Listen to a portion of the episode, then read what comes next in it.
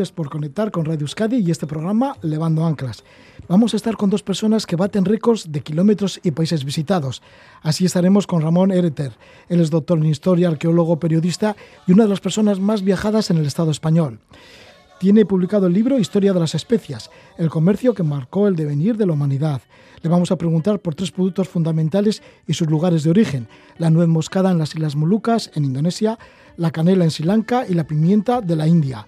Ramón Ereter, como doctor en historia, se ha especializado justamente en este tema, en las especias, y además, como gran viajero, conoce bien estos lugares de los cuales nos va a hablar. Y también estaremos con Emilio Scotto. ¿Qué vamos a decir de Emilio Scotto? En 1995 completó dos vueltas al mundo en su moto, en la Princesa Negra. La distancia que cubrió es la misma que hubiera ido desde eh, a la Luna, ida y vuelta.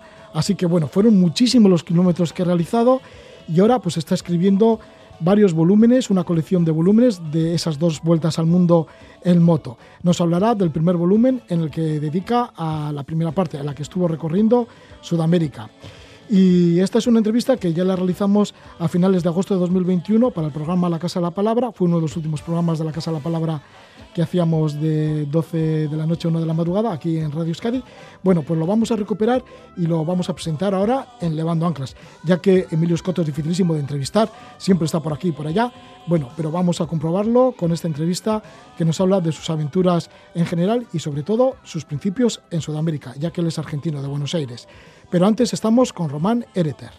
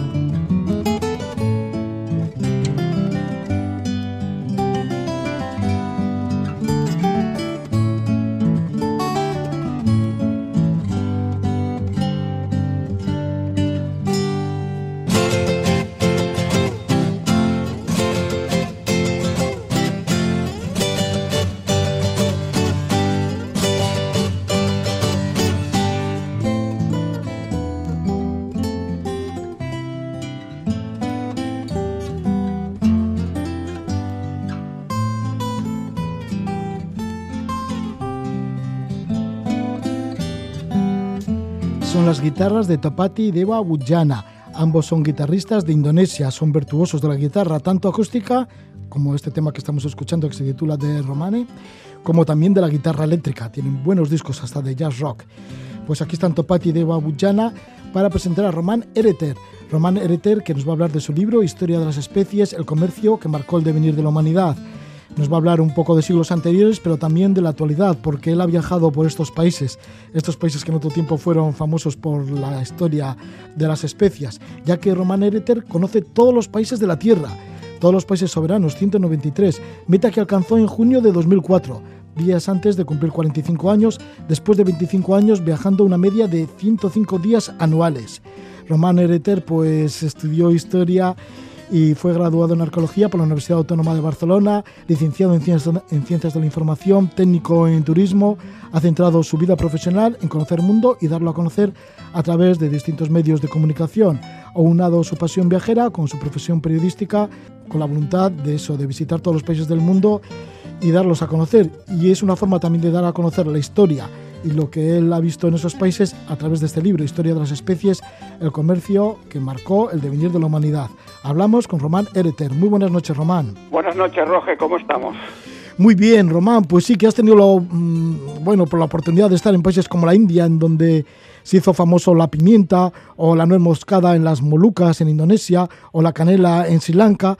A la hora de hablar de tiempos pasados y de conocer los lugares, pues seguramente que te inspira más, ¿no? Y te dan más ganas de escribir lo que es esta historia de las especies. Sí, yo me he dedicado, como tú bien sabes, casi toda la vida al periodismo de viajes con un programa en la radio, igual que tú, pues que estuvo en antena durante casi 35 años y en un momento determinado pensé que era un buen momento para, de alguna manera, retomar un poco la pasión de infancia, ¿no? Yo quería ser, eh, cuando era pequeño, arqueólogo, pero en un momento determinado mm, consideré que era más, más interesante el poder visitar todos los lugares que han descubierto los arqueólogos viajando, ¿no? Y en este sentido, pues he tenido la suerte, como tú muy bien has dicho, de recorrer todos los países del mundo y muchos de ellos varias veces y ahora ya en una edad un poco más avanzada pues dije, ¿y por qué no aprovecho la ocasión y estudio historia, arqueología?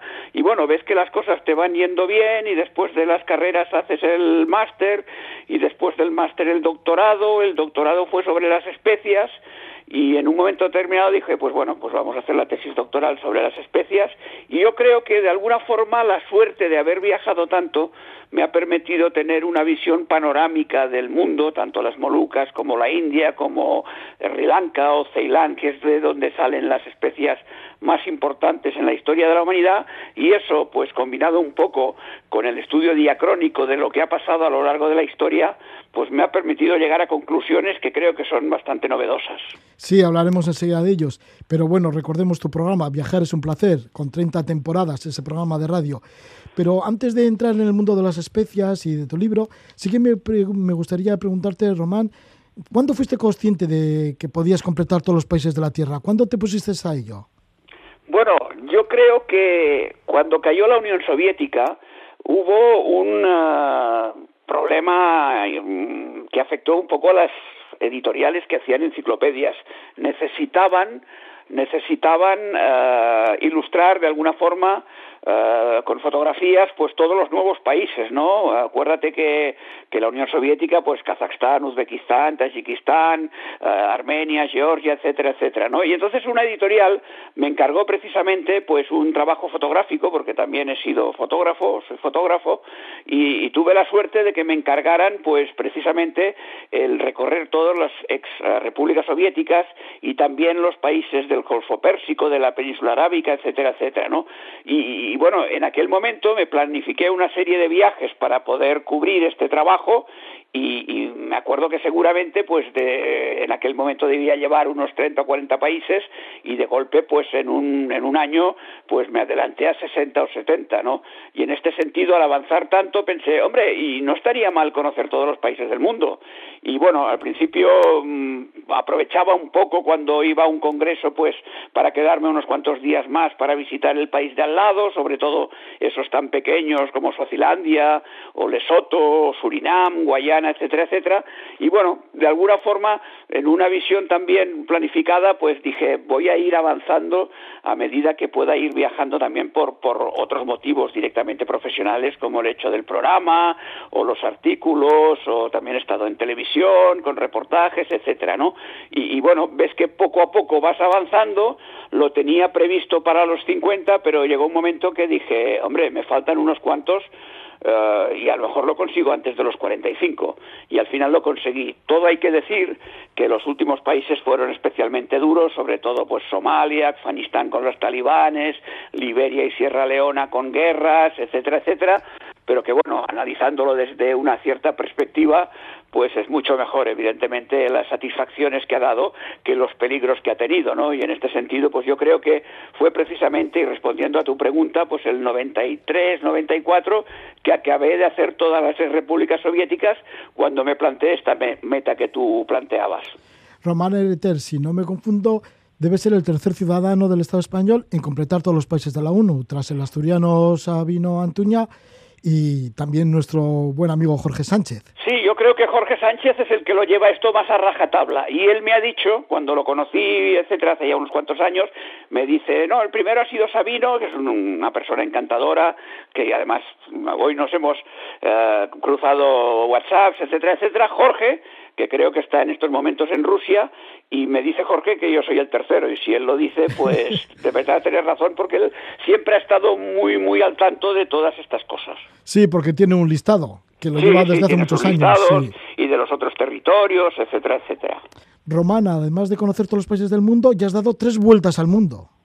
Sí, tengo que decir que para los oyentes que a veces confunden las cosas, normalmente ah, la gente dice, una vuelta al mundo es conocer todos los países del mundo. Nada tiene que ver. El hecho de conocer todos los países del mundo, pues ha representado 25, 30 años, viajando pues 150 eh, días al año, etcétera, etcétera.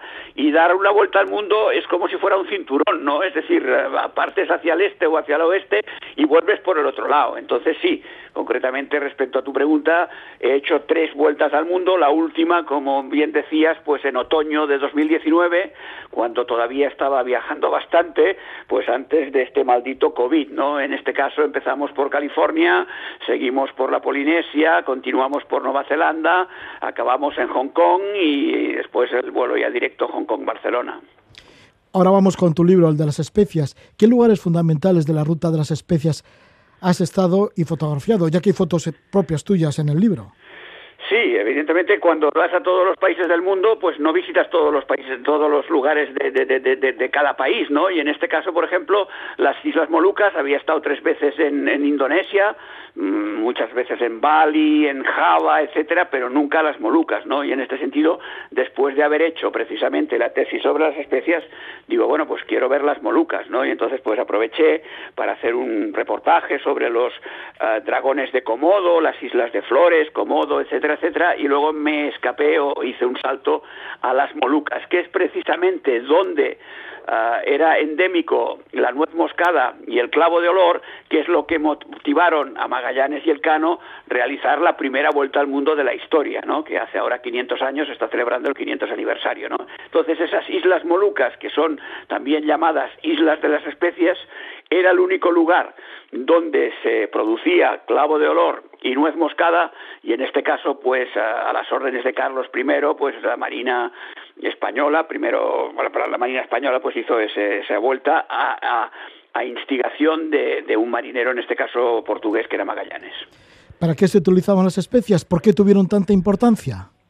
Bueno, las especias, uh, en primer lugar hay que decir que, que, que, eran, unas, eran unos productos tremendamente caros y que al pesar muy poco se podían transportar desde, desde muy lejos, ¿no? Y por tanto era un, un producto exótico muy valorado y por el cual se pagaban mucho. Se utilizaban básicamente en gastronomía, sobre todo hablamos de la pimienta, en postres la canela, eh, también en medicina y también en cosmética.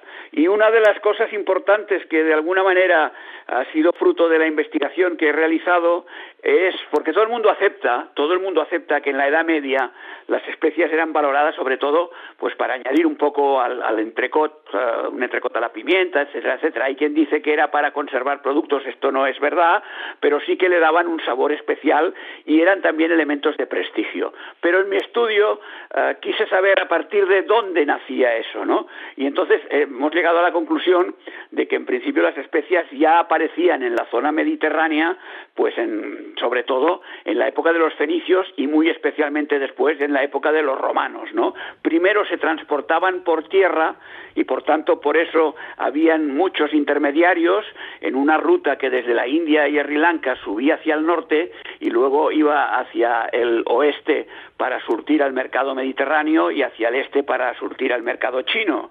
Y claro, había muchos intermediarios, uh, era a través de las rutas orientales, se utilizaban mucho los camellos, los camellos de alguna forma podían cubrir una distancia de 50 kilómetros al día, uh, tenían que beber cada tres días, por eso están los caravanserais, etcétera, etcétera, ¿no? Y entonces no era el mismo mercader el que traía las especias desde el lugar que las compraba y donde se vendían, sino que habían múltiples intermediarios que lógicamente cada uno quería su beneficio, pero a, a, a pesar de todo también había que pagar impuestos por los lugares por lo que pasaba por lo tanto el imperio parto, el imperio Kushan, etcétera, etcétera, iban pues cobrando peajes. Eso pasa hasta que en un momento determinado el emperador Augusto, eh, cuando se hace el propietario directo, porque era una provincia personal de Egipto, manda cada año 120 barcos, como dice Estrabón, a buscar pimienta a la India. Y en ese sentido, pues ya se traen muchas más especias,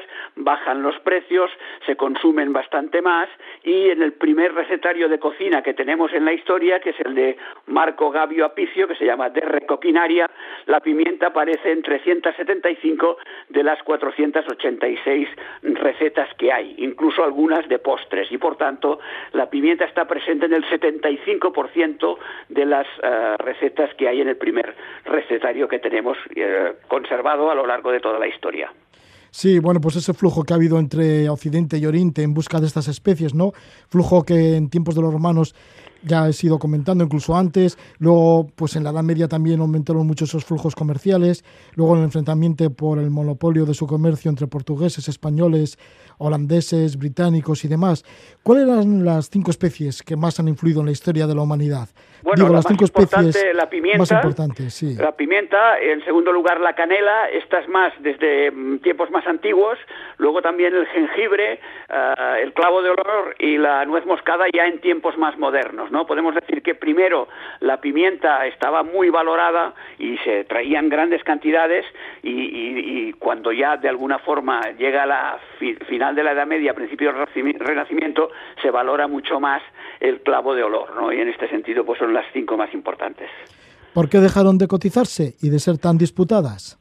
Bueno, en primer lugar es una paradoja de la historia, ¿no? Porque precisamente mm, las el, ir a buscar directamente las especias a los lugares de origen, pues motivó la llamada era de los descubrimientos. Es decir, cuando realmente ah, el mundo islámico tapona otra vez esas rutas, porque conquista un territorio que va desde Al-Ándalus hasta Pakistán, Ah, pues los mercaderes cristianos ya no pueden pasar a través de las rutas terrestres ni tampoco el mar porque está controlado. Y por otro lado, en otro momento hay sí un pequeño lapsus en la que Marco Polo pudo llegar a China porque los mogoles debilitaron eh, al poder islámico y facilitaron esta ruta, pero luego viene el Imperio Otomano que con la caída de Constantinopla en 1453 vuelve a taponar esta ruta.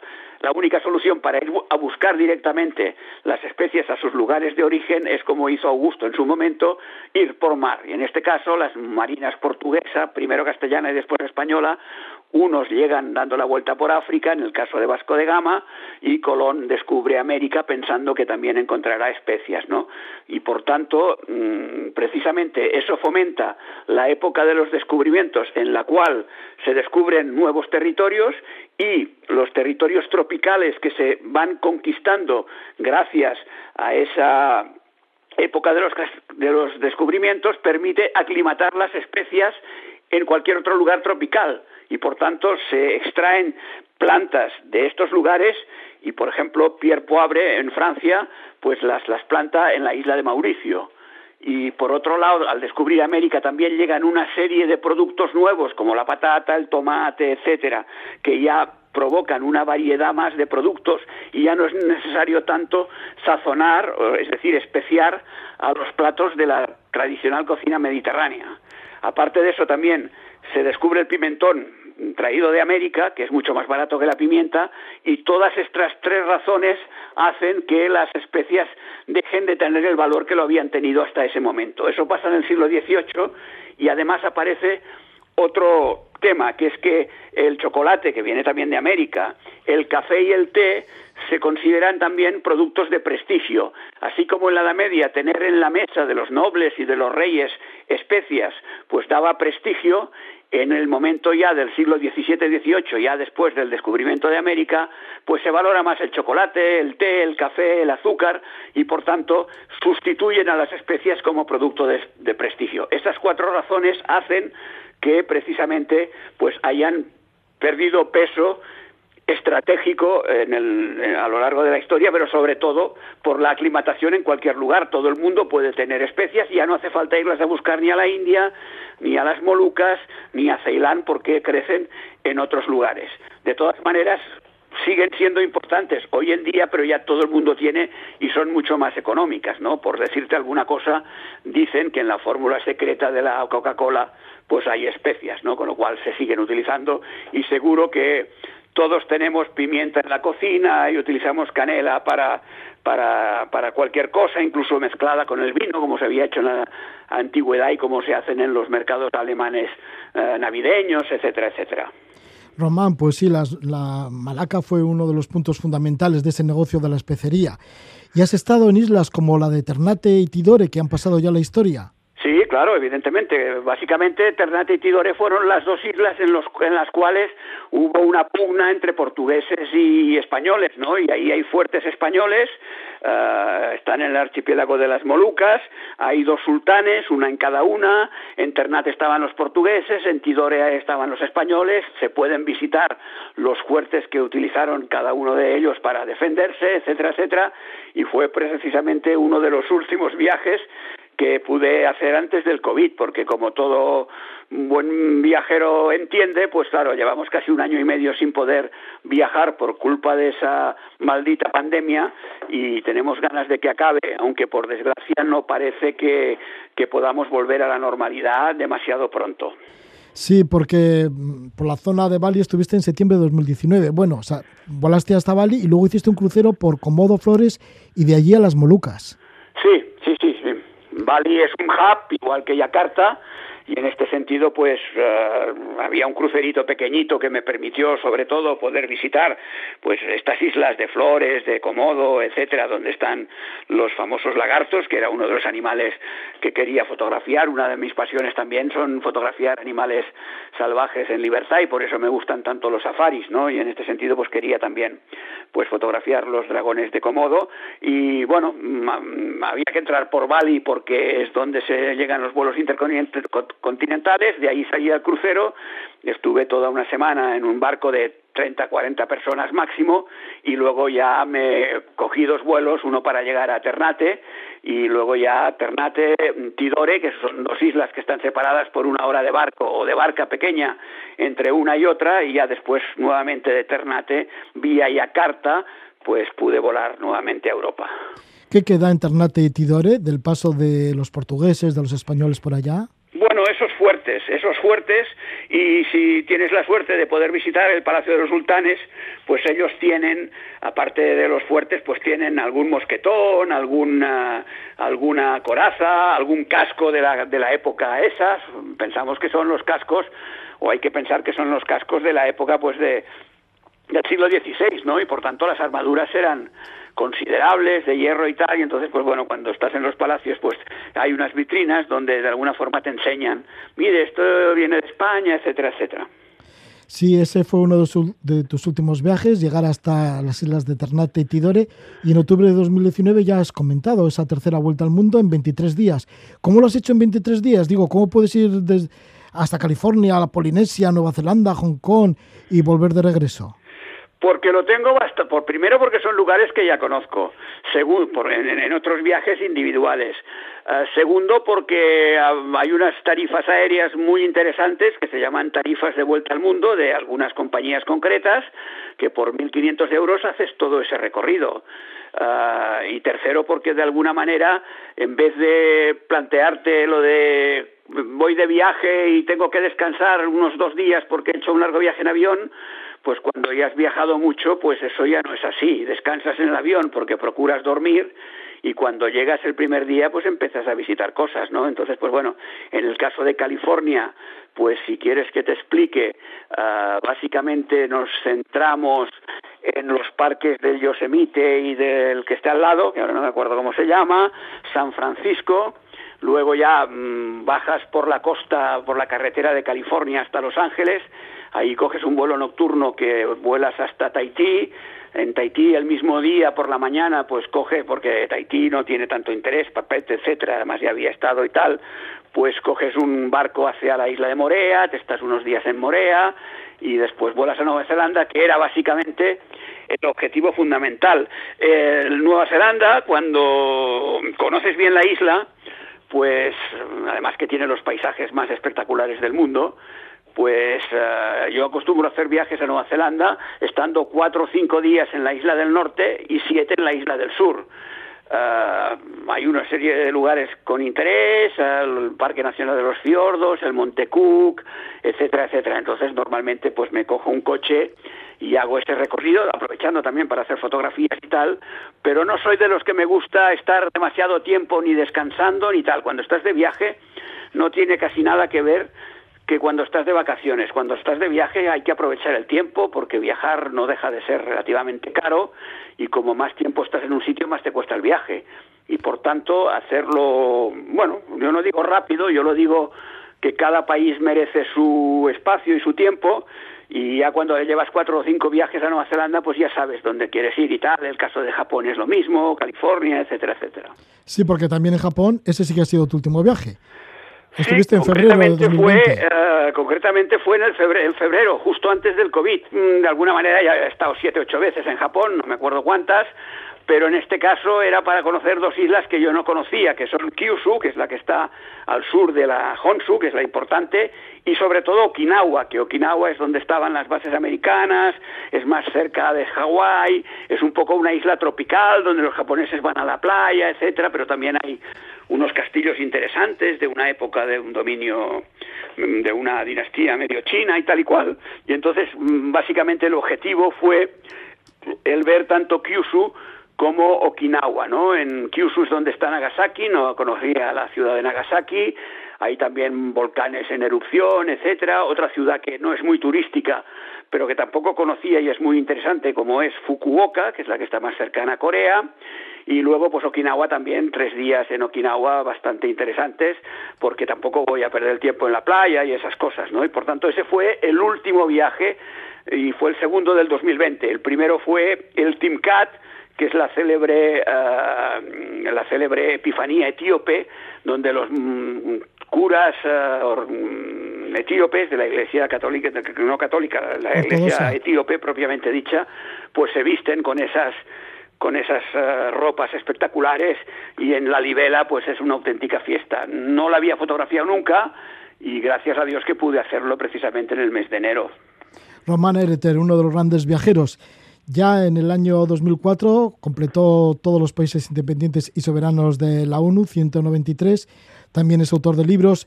Uno de los últimos es Historia de las especies, el comercio que marcó el devenir de la humanidad. Porque hay que decir que también es doctor en Historia Román Ereter, además de periodista, además de ser licenciado y técnico en turismo también. Pues muchísimas gracias, Román Ereter, y que vaya bien con este libro Historia de las Especias, que lo edita Almuzara. Gracias por habernos hablado de un resumen muy general de toda esta historia de las especias y por habernos marcado también algunos de los lugares que has visitado últimamente. Muchas gracias a ti, Roge. Eh, en este caso, pues es mezclar un poco la geografía con la historia que es un poco como el devenir de la vida, ¿no? Mm, transitamos a través de un espacio durante un tiempo, pues geografía e historia se juntan en los viajes y eso es precisamente uno de los mayores placeres que tenemos al alcance de la mano. Pues que sigas gozando, Román Ereter. Gracias. Adiós, un abrazo y siempre a tu disposición.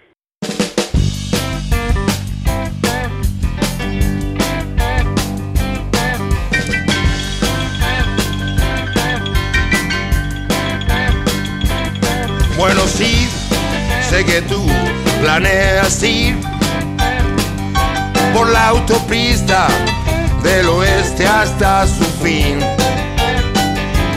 Andarás bien por la 66. Cervetea de Chicago hasta L. Son dos mil millas, más también podrás hacer andarás bien por la 66. Es la música de Papo, de Papos Blues, con el tema Ruta 66. Música de un legendario guitarrista argentino y estamos también con un legendario motorista argentino como es Emilio Scotto. Emilio entró en el libro de los Guinness de los Récords en 1997 como la persona que realizó el mayor viaje alrededor del mundo en moto. Fue un periplo de 10 años dando dos vueltas al mundo consecutivas una en sentido de las agujas del reloj y otra en sentido contrario, cubriendo la distancia equivalente a un viaje a la Luna de ida y vuelta. Así que fueron 735.000 kilómetros en su moto que le llamó la Princesa Negra. Arrancó en Buenos Aires, en el Buenos Aires natal, el 14 de enero de 1985 y terminó la proeza en el mismo punto de salida en abril de 1995. En 2007 se publicó en Estados Unidos The Loños Ray y ahora se encuentra en la tarea de editar una serie de seis libros que rememora la histórica vuelta al mundo en moto. La colección se llama De la Tierra a la Luna y de vuelta en motocicleta. Y acaba de aparecer el primer volumen con el título de América del Sur, en el que recoge esas primeras etapas de esa vuelta al mundo durante 10 años en moto. Estamos con Emilio Escoto. Muy buenas noches, Emilio. Hola, buenas noches, Roge. ¿Cómo te va? Tanto tiempo. Saludos a ti y a todos tus oyentes. Emilio, sí que tuvimos la oportunidad de entrevistarte cuando terminaste esta vuelta al mundo y luego con el tiempo también en otras ocasiones, cuando te encontrabas en Estados Unidos, la última de las cuales en Miami, y ahí publicabas el libro del Angel Ride, que viene a ser un libro de fotografías, ¿no?, de esa vuelta al mundo. Claro, exacto, de, de Longest Ride, eh, con 360 o 400 fotografías, lo que se llama en Estados Unidos un Coffee Table Book, fue publicado por una editorial de Chicago, y bueno, nació en inglés y, faltaba siempre, por supuesto, que eh, apareciera el libro en español, eh, no, no una traducción de aquel, que en realidad es más, como tú bien dijiste, más un libro fotográfico eh, y, con pies de foto y con algunas historias, sino, sino en español el libro que mostrara la, la historia profunda, ¿no? La, la confesión, como le digo yo, de, de, todos los 10 años de viaje y todos los países por donde pasamos con la Princesa Negra. Sí, que va a ser, como decíamos, una serie de seis libros. Ya está el libro de Sudamérica y en él recuerdas pues los principios. Además, te vas más lejos porque te recuerdas tu niñez. ¿Cómo es el punto de partida de este libro? Claro, el, el libro a mí me conflictuaba el que el no poder contar toda la historia, ¿no? Con hechos profundos, con y además que la quería no quería contarla como algo pasado, sino al contrario, quería que fuera el presente y, y en primera persona, ¿no? O sea, estamos yendo en este momento, pero en aquel entonces, hace hace 35 años. Entonces, escribir en tiempo presente y en primera persona, con diálogos, con, con la gente, con los personajes que iba encontrando a lo largo de la ruta, con lo que iba sucediendo, es muy difícil porque tienes que lograr hacer que el, que el lector se sienta que está sentado él en la moto y que vamos descubriendo el mundo, así que este bueno, ahí conté cómo comienza todo, cómo comenzó mi abuelo cuando equivocadamente tomó un barco, tomó un barco equivocado, bien digo, y en vez de Estados Unidos terminó en Argentina y y bueno, ahí mis padres eh, obligados a casarse, ahí nací yo por accidente y voy contando mi niñez y después cómo llega, de qué trabajaba y cómo llego a comprar la moto también por otro medio, por otro accidente y después la partida y la despedida de la familia, eh, los 300 dólares que era lo que tenía para para viajar, para, para dar la vuelta al mundo, ¿no? 250 euros en aquel entonces y y cómo parto con toda la inocencia, sin, sin mapas, sin... Eh, cuando fui a buscar, cuando fui a pedir algún mapa al Automóvil Club Argentino, me acuerdo que me dijeron, no tenemos mapa de Argentina, vine a pedir mapas de África. Tenían razón. Y bueno, y no había tecnología tampoco. Yo apenas, yo no tenía ni ropa de moto. Salí con, con una camarita de metal, una pentas que era a manijita y, y la ropa que usaba para ir a trabajar todos los días, porque en, ese entonces ni siquiera había para comprar ropa de moto, ni tenía tampoco dinero yo para salir vestido como un motociclista, como es hoy en día, ¿no? Las cosas no eran tan simples. Piensa tú, Roge, piensa que cuando yo parto de Argentina, en mi país había cuatro canales de televisión, cuatro. Eh, y esa era la información que yo tenía del mundo. O sea que nada de Google y Facebook y YouTube, nada que ver. Así que con esa inocencia, con nada, con falta de recursos, pero con pero con la idea adquirida de niñito de, recorrer todos los países de la Tierra, todas las islas, los atolones, los territorios de ultramar, todos los lugares donde viviera un ser humano, bueno, parto, eh, eh sin despedida, porque tampoco fue que hubo una fiesta, no, nadie creía, no, no, eran otra, eran otras épocas, ¿no? Y todavía estaban dos mundos, el capitalismo y el comunismo, la cortina de hierro, el muro de Berlín, Rumania de Ceausescu, que justamente yo me acuerdo haber recorrido Rumania de Ceausescu, y eso lo voy contando en el libro de la Tierra a la Luna y de vuelta en motocicleta, eh, que son seis libros. Se llaman todos igual, pero el subtítulo va cambiando, ¿no? Yo voy fabricando una ruta azul, se llama Ruta Azul 1, pero de acuerdo a las etapas por donde voy pasando, el primero es Sudamérica con la niñez, el segundo, que va a salir antes de fin de año, es Centroamérica, que estaba en guerra en aquel entonces, Norteamérica y Europa, el tercero es Sahara, el cuarto es África Negra, Congo, el quinto Asia y el sexto la, segunda vuelta al mundo, el regreso. Así que los seis, los seis libros se van a llamar igual, de la Tierra a la Luna y de vuelta en motocicleta, y cada uno va a tener el subtítulo correspondiente al lugar donde el libro va a estar reflejando donde estamos viajando. Emilio, y es que estabas predestinado, ¿no? Desde la niñez, desde que eras pequeñito, porque querías ser astronauta de niño. Y fíjate, y ahora sí que has conseguido llegar no a la Luna exactamente, pero que sí has hecho el mismo recorrido en estas dos vueltas al mundo, que fueron 735.000 kilómetros, que es lo que separa y de vuelta la Tierra de la Luna. Sí, exacto, bien lo dices tú, Roger.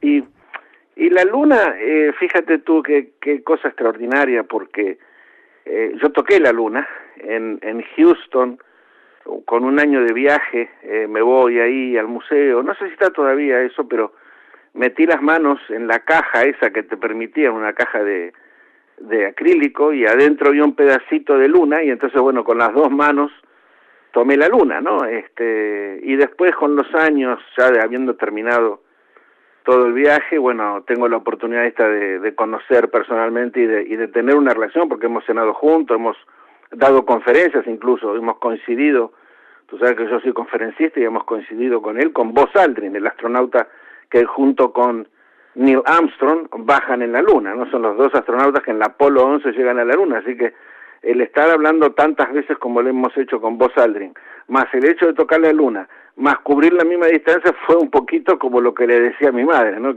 Que, qué coincidencias, ¿no? Porque eh, conocer, o sea, poder tener la oportunidad de cenar al de tener al lado a Buzz Aldrin no, no es una cosa que te... Me cayó del cielo, me cayó de la luna. Y encima hoy en día se está hablando tanto de, la Luna y de regresar a la Luna y de empresas privadas que quieren ir a la Luna.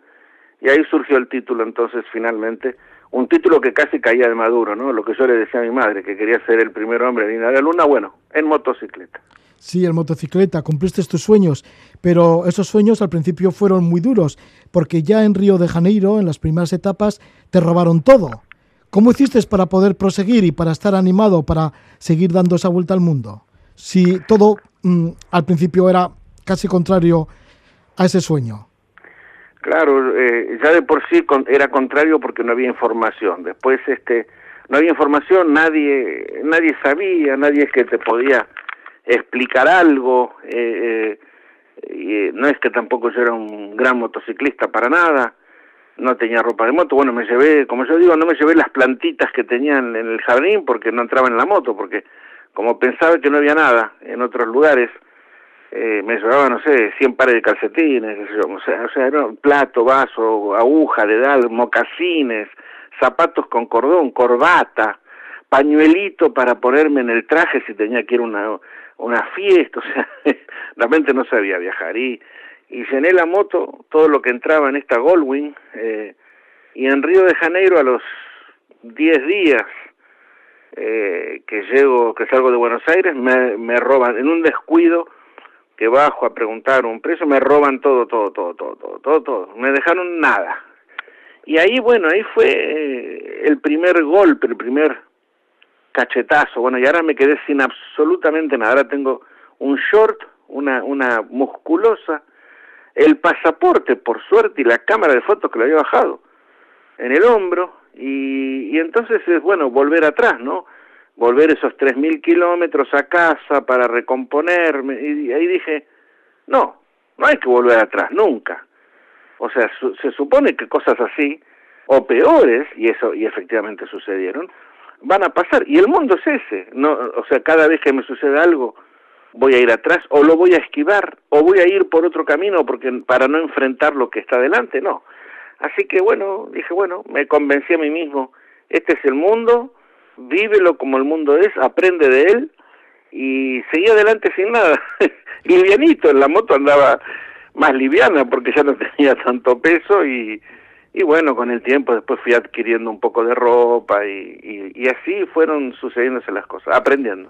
Aprendiendo y conociendo muchas realidades del mundo, realidades algunas veces bastante difíciles, complicadas y crueles. Por ejemplo, entre otras, estuviste con los garimpeiros, ya que estamos hablando de esas primeras etapas, con los garimpeiros en un mundo sin ley, y te juntaste con fugitivos, que te cuidaban además. Sí, fue una, una etapa muy rara porque aparte sin experiencia, y yo había decidido, en lugar de subir por la ruta panamericana, que hubiese sido lo lógico, eh, como no tenía experiencia y todos decían, no, Brasil no se comunica con Venezuela, que era verdad, eh, entonces eh, decidí tratar de aprender lo antes posible, tratar de empujarme a hacerme hombre lo antes posible. Me, creo que yo a los 30 años, cuando parto, era un, un niñato, eh, sin conocimientos, no había tenido padre tampoco, así que no no es que eh, era un era un, un, blandito y entonces dije más vale que me endurezca a los golpes rapidito. Y, y bueno me fui por Brasil y llegué al, a la desembocadura del Amazonas y tenía que remontar el, río Amazonas hasta Manaus. Pero en aquel entonces no había turismo no había barcos no había había barcos pero eh, no de turistas no no no existía eso todavía. Año 85 y y ahí alguien me dijo, bueno, los buscadores de oro, los garimpeiros, pero cuidado porque están armados y, se juegan al, a las cartas, al billo, y se enojan y se pelean, pueden empezar los machetazos o los disparos y siempre hay algún muerto. Conclusión, me fui con, convencí a un capitán de uno de estos barquitos, gaiolas, se llaman, que son este, esos motores diésel, chuc, chuc, chuc, que van por el Amazonas días y días, con los garimpeiros que van a buscar oro y diamantes, y y entonces el capitán, bueno, me llevó y, ahí los garimpeé, ahí aprendí con ellos, me contaban su, algunos por supuesto ni, ni me hablaban, en realidad había uno que lo cuento en el libro que se transforma, se transforma como en mi padre, el padre que no había tenido, ¿no? Pedro. Pero ahí en el libro justamente está toda esta relación con la selva, con los garimperos, con, con, con esa mujer que conozco, esa, esa amazona, como la describo yo, eh, esa selva de los jaguares y y después Venezuela, el cruce a Venezuela justamente por la tierra de nadie, por donde estaban los indios Guaymirí, Atruarí, que habían sido reducidores de cabeza en otra época, y, y tenían razón lo que decían, que no había comunicación, yo les llamo la come hombres a ese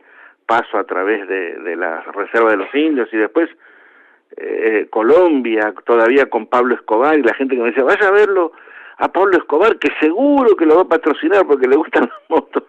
Yo decía, mi Dios, que voy a, voy a estar patrocinado por este hombre de la cocaína, ¿no? O sea, era un mundo raro, ¿no? Un mundo, un mundo de descubrimientos, era un mundo nuevo.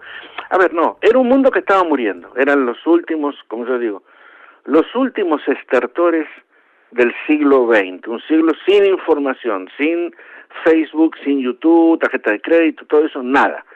GPS, nada, nada. Apenas, justo empezaban a ponerse de moda los mapas Michelin. Y, o sea que era un mundo eh, desinformado. La, gente empezaba.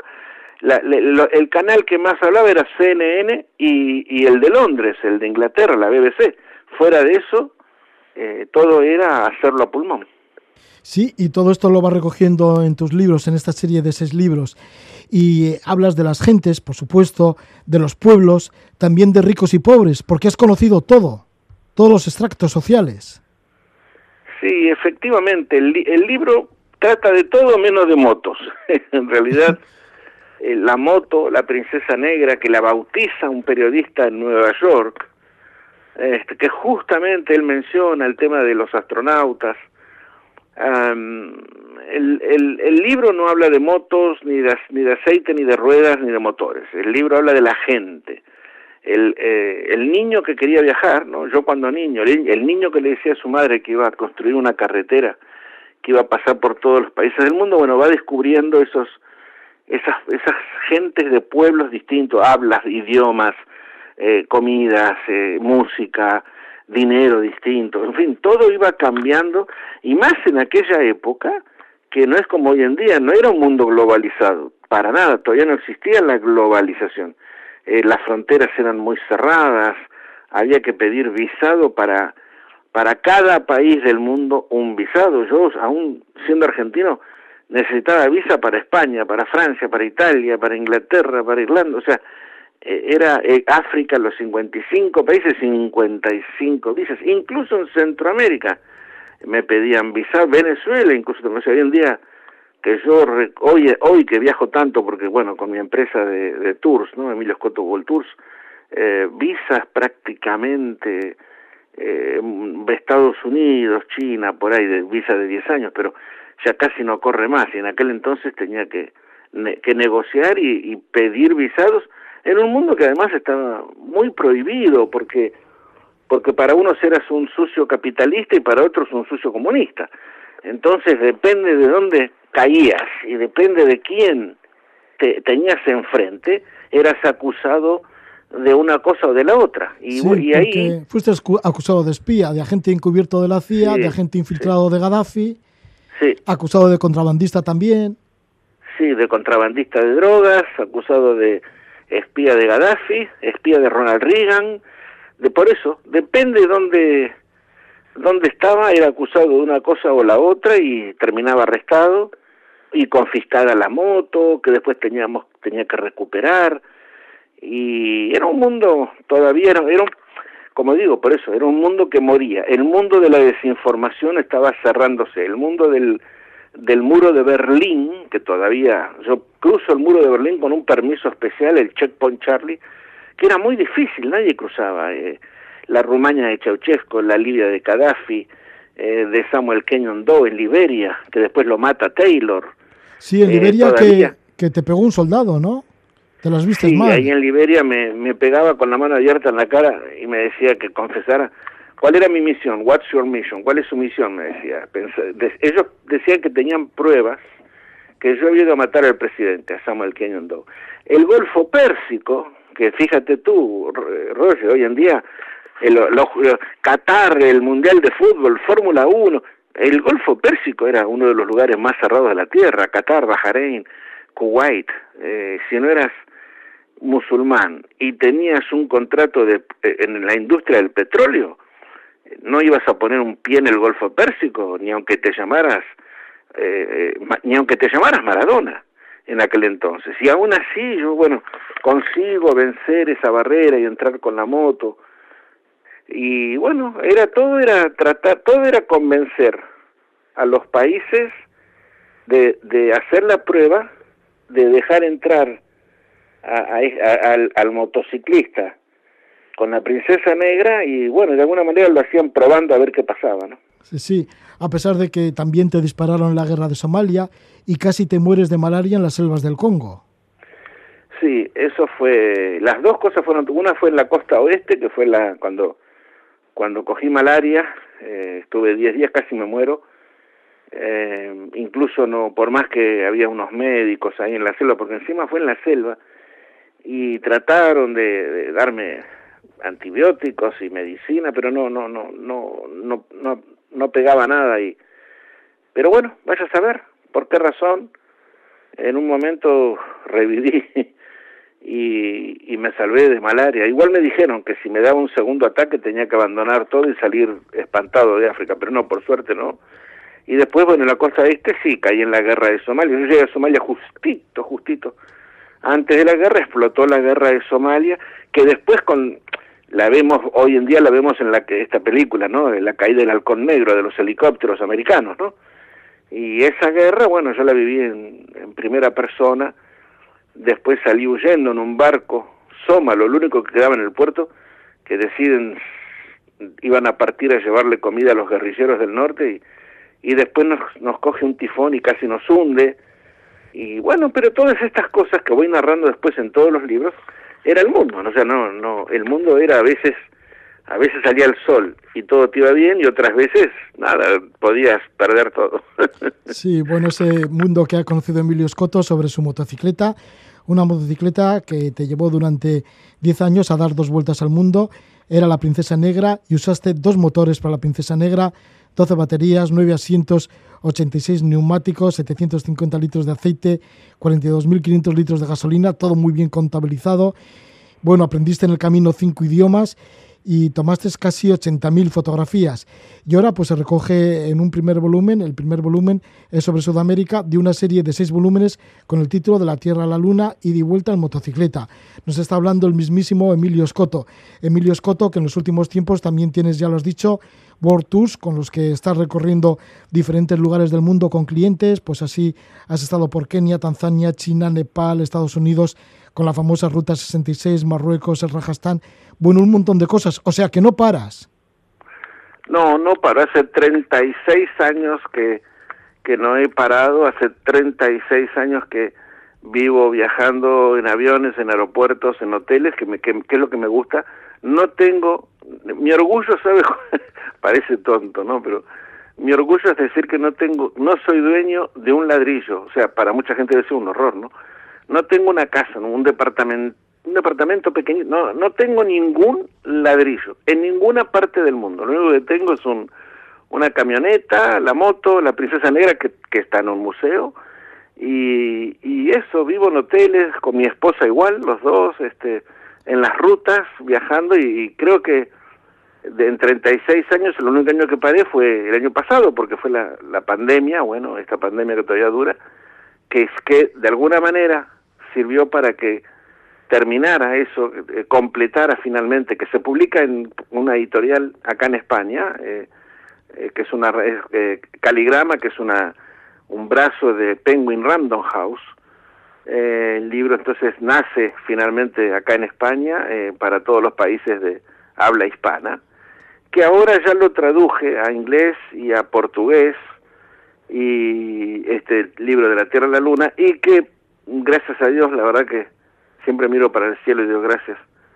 Eh, está teniendo tan buenos comentarios, ¿no? Está con cinco estrellas en, en todos lados y, y, ha tenido incluso comentarios de gente que se dedica a, a calificar libros, así que bueno, estoy muy feliz de, de, haber de tener este resultado. Pues mucha fortuna con el libro de la Tierra a la Luna y de vuelta en motocicleta, el primero de los cuales es Sudamérica. Quedan otros cinco más Mucha fortuna con ello, mucha fortuna también en la vida y con tus viajes. Muchísimas gracias por estar una vez más con nosotros, Emilio Scotto. Gracias, Roger. Un abrazo muy grande a todos tus oyentes y a todo, todo este maravilloso país, España.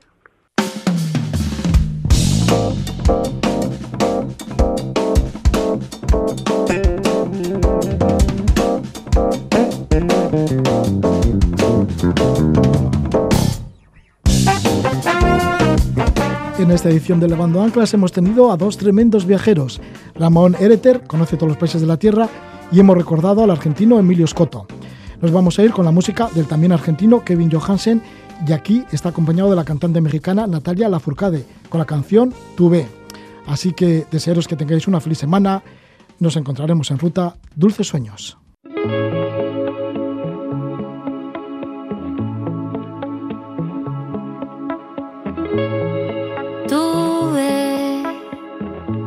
Te alcanzaré, sí, una vez más.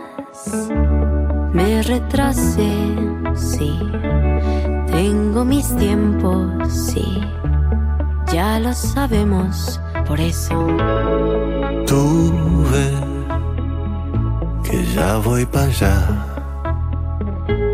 Y cuando llegue, vamos a bailar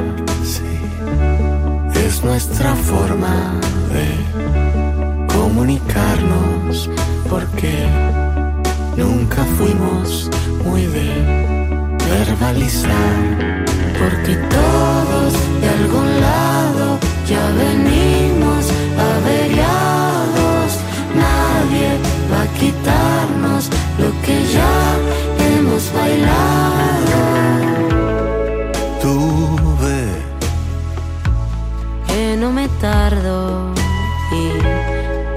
habrán peros ni sin embargo no. Eso dejémoslo para los amargos. por eso tuve este amor y este amor me tuvo a mí. Lo que me importa felices, porque nadie es de nadie, somos todos de la calle, hijos de los vientos, de montañas hasta mares, todos de algún lado ya venimos averiados. Y elegimos amar, rescatando y cuidando exigimos amar, maltratando y dañándonos y decidimos amar porque nada es para siempre salvo este amor.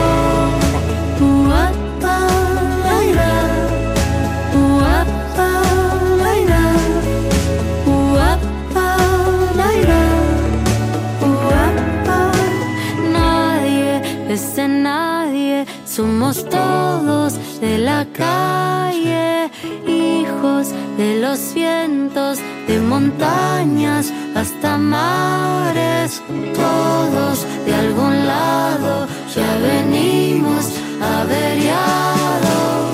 Y elegimos amar. Rescatando y cuidándonos, y exigimos amar. Maltratando y bardeándonos, y decidimos amar. porque nada es para siempre salvo este amor.